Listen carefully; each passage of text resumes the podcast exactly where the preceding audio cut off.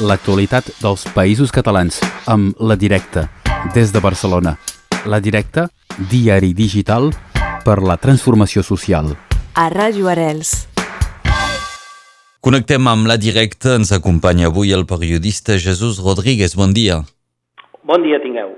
Doncs estem amb tu per comentar l'actualitat, tot una actualitat que podem seguir a través de la pàgina web directe.cat. I aquí hi trobarem, per exemple, una entrevista a un nou moviment que ens presentaràs. Parleu amb els portaveus de Batec. Sí, Batec eh, és un nou moviment eh, que aposta per la desobediència civil des de l'àmbit de l'independentisme i que sorgeix doncs, eh, després de dos anys de pandèmia, d'una de, certa desmobilització, i ens expliquen els seus portaveus, en aquest cas eh, Antònia Maria Dols i Oriol Sales, eh, que els entrevistem, ens expliquen quins són els seus objectius, els seus plantejaments, perquè eh, aquí a Catalunya ja els hem conegut al llarg de l'última setmana per una primera campanya que, que han fet eh, en relació al transport públic ferroviari eh, de les línies de, de rodalies de, de Catalunya, gestionades pel govern espanyol i que tenen moltes mancances, moltes deficiències, eh, retards, avaries de tot tipus, i han centrat doncs, la seva primera campanya en fer desobediència al pagament dels bitllets d'aquest de, servei ferroviari. eh, en l'entrevista ens expliquen que és la seva primera campanya, que tenen una voluntat eh, unitària de treball eh, a to, arreu del país i, i en diferents eh, organitzacions i sectors i que faran propostes de, de noves campanyes i de noves eh, accions de desobediència civil al llarg de les properes setmanes. Batec, doncs, un moviment que caldrà anar seguint amb les operacions que puguin engegar més endavant és a través de la directa que podeu descobrir l'entrevista als portaveus del moviment. Altra entrevista, en aquest cas, a treballadores d'atenció domiciliària. És un àmbit eh, molt desconegut, eh, però molt important en la nostra societat. Eh, elles, eh, precisament, en l'entrevista el que ens diuen és que són molt importants per fer les cures, aquelles cures, aquelles atencions a persones grans, a persones amb dificultats eh, per, per fer una, una autogestió de les seves cures i que eh, aquestes es fan mitjançant la presència domiciliària. Són molt importants per fer aquestes cures, però es queixen que precisament amb elles no les cuida ningú. Eh, tenen uns sous eh, molt baixos, estem parlant de menys de 1.200 euros al mes per la jornada completa i una jornada laboral molt poc eh, conciliable amb les seves vides personals, és a dir, que constantment els hi modifiquen els horaris i eh, se senten doncs, com una baldufa amunt i avall eh, per fer aquestes atencions domiciliàries eh, a persones que, que tenen aquestes necessitats. Cal recordar que aquest servei d'atenció hi treballen pràcticament 4.000 persones, molt majoritàriament dones, a la ciutat de Barcelona, i que eh, està, eh, malgrat ser un, un servei municipal, està externalitzat eh, a dues empreses, l'empresa Suara i l'empresa eh, Domus Vi i és aquestes empreses i el propi Ajuntament, l'alcaldessa Ada Colau directament s'hi dirigeixen durant l'entrevista per reclamar que posin el focus en, en les cures d'aquestes treballadores. És doncs un servei imprescindible per molta gent, però que finalment aquestes treballadores tenen poca visibilitat, no? Sí, poca visibilitat, poca retribució i des de l'administració eh, no, no es posa l'atenció suficient a les seves condicions laborals. Mm. Sí que ho fa la directa i a través de la pàgina web directa.cat podeu veure aquesta, podeu llegir aquesta entrevista. Altres temes d'actualitat és un esdeveniment que van comentar aquí a Radio Arrels. Va ser diumenge passat una gran manifestació a Puigcerdà contra la candidatura de Catalunya per organitzar els Jocs Olímpics d'hivern del 2030 una manifestació prou inèdita en una ciutat com Puigcerdà. Eh, no, no recordàvem cap manifestació d'aquestes dimensions eh, des de l'1 d'octubre, per exemple, que, que sí que n'hi va haver, però una ciutat on cada cop és més viva la, la presència i la crítica a, a la candidatura i, i a com s'està fent aquesta candidatura. La poca transparència ha estat una de les crítiques per part de la plataforma, però també el model que representa aquesta candidatura per les comarques eh, pirinenques.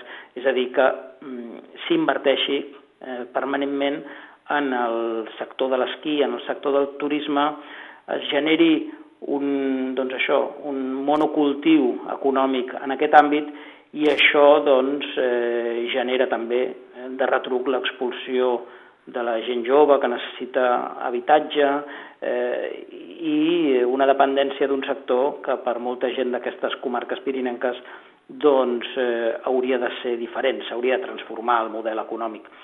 Van ser algunes de les reivindicacions que es van sentir, molt dirigides al govern de la Generalitat demanant que retiri aquesta candidatura per insostenible, per incoherent i també eh, en presència de l'Assemblea Nacional Catalana que enviava el missatge de que és una candidatura pensada en clau política per eh, intentar doncs, pacificar, entre cometes, doncs, la situació eh, que es viu a Catalunya o normalitzar-la eh, des d'un punt de vista de l'esdeveniment olímpic eh, per fer veure doncs, que no hi ha un conflicte i que govern espanyol i govern català poden organitzar eh, conjuntament doncs, un tipus d'esdeveniment com aquest eh, de cara a la comunitat internacional. Van ser les diferents claus en les, en les que es va manifestar aquesta protesta, que va recórrer els carrers de la ciutat i que va tenir també eh, diferents eh, activitats culturals i musicals al llarg de la tarda. Es van desplaçar gent eh, de diferents punts de, de Catalunya o dels països catalans, també des d'aquí Catalunya Nord. Exactament, sí, sí. I vam ser a, a Puigcerdà i vam poder comprovar doncs, la presència de gent d'arreu dels països catalans, eh, també de, de Piri, del nord dels Pirineus sí. i, i de, de les vostres comarques. De fet, feu eh, també com un reportatge fotogràfic eh, d'aquesta jornada? Sí, fem, eh, vam fer un, un seguiment a, a xarxes socials, tant als nostres comptes de, de Twitter com d'Instagram podem, podeu veure diferents vídeos amb les activitats eh, que s'hi van desenvolupar i una eh, extensa galeria fotogràfica amb les imatges més importants de la jornada. Bé. Altra temàtica ben diferent, aquesta ens porta cap a l'estat espanyol, eh, l'estat espanyol que acaba de canviar de cap de serveis secrets. Qui és? Doncs mira, es tracta d'Esperanza Casteleiro, eh, assumeix la direcció del Centre Nacional d'Intel·ligència dels Serveis Secrets Espanyols arrel de tota la polèmica que, que, hi va, que hi va haver i que segueix havent-hi sobre l'espionatge de Pegasus. Des del govern espanyol s'ha posat el focus en l'espionatge al president Pedro Sánchez i a la ministra de Defensa eh, per eh, centrar la problemàtica en, en un problema de, de seguretat del propi Ministeri de Defensa i la presidència del govern, és a dir, que van fallar els sistemes de seguretat per evitar que s'espiés els, els alts mandataris espanyols, però en canvi s'ha intentat eh, retirar el focus en relació al Catalan Gate, és a dir, a l'espionatge eh, polític des del CNI a representants eh, institucionals i de la societat civil de, de Catalunya.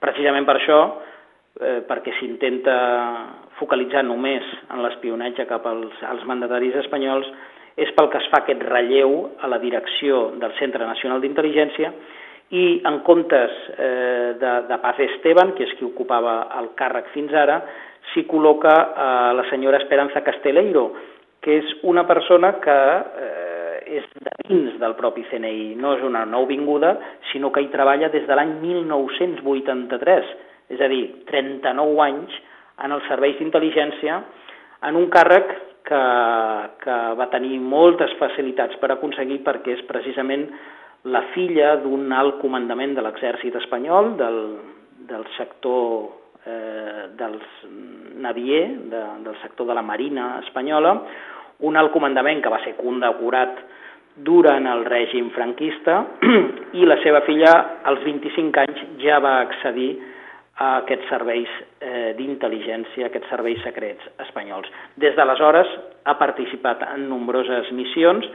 La més eh, polèmica i controvertida eh, va ser en el cas de la illa de Cuba, l'any 2009, quan el ministre d'Exteriors de eh, espanyol era Miguel Ángel Moratino i el president del govern José Luis Rodríguez Zapatero, doncs aquesta agent secret, aquesta infiltrada d'intel·ligència, va intentar enregistrar converses eh, dels mandataris cubans amb empresaris espanyols i la van enxampar.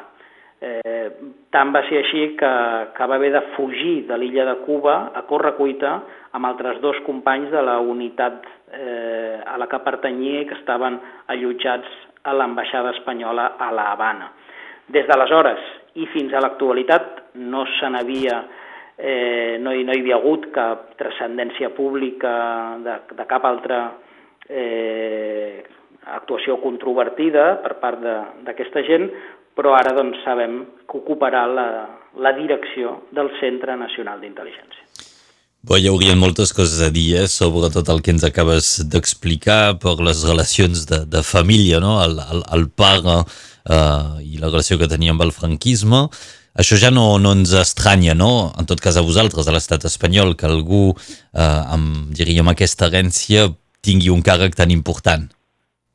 Sí, de fet, eh, és una de les conseqüències directes dels pactes de la transició, no? del règim del 78, com se'l coneix, una de les conseqüències directes va ser eh, doncs, permetre, tolerar o, o fins i tot promoure que tots aquells entorns que, que tenien una relació directa o formaven part del règim franquista no tinguessin eh, que, que assumir cap responsabilitat i ben al contrari, fins i tot se'ls va premiar amb la concessió de la titularitat d'algunes empreses públiques que van acabar privatitzades, com és el cas d'Endesa, eh, o en d'altres casos, com, com aquest, doncs, eh, amb famílies que van mantenir el seu poder, el seu estatus i la seva capacitat d'influència en el nou règim democràtic que s'obria portes a partir de l'any 78.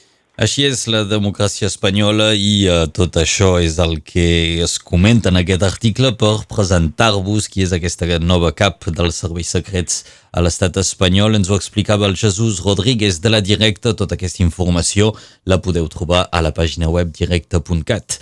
Jesús, moltes gràcies. Gràcies a vosaltres. L'actualitat dels països catalans amb la Directa des de Barcelona. La Directa, diari digital per la transformació social. A Ràdio Arels.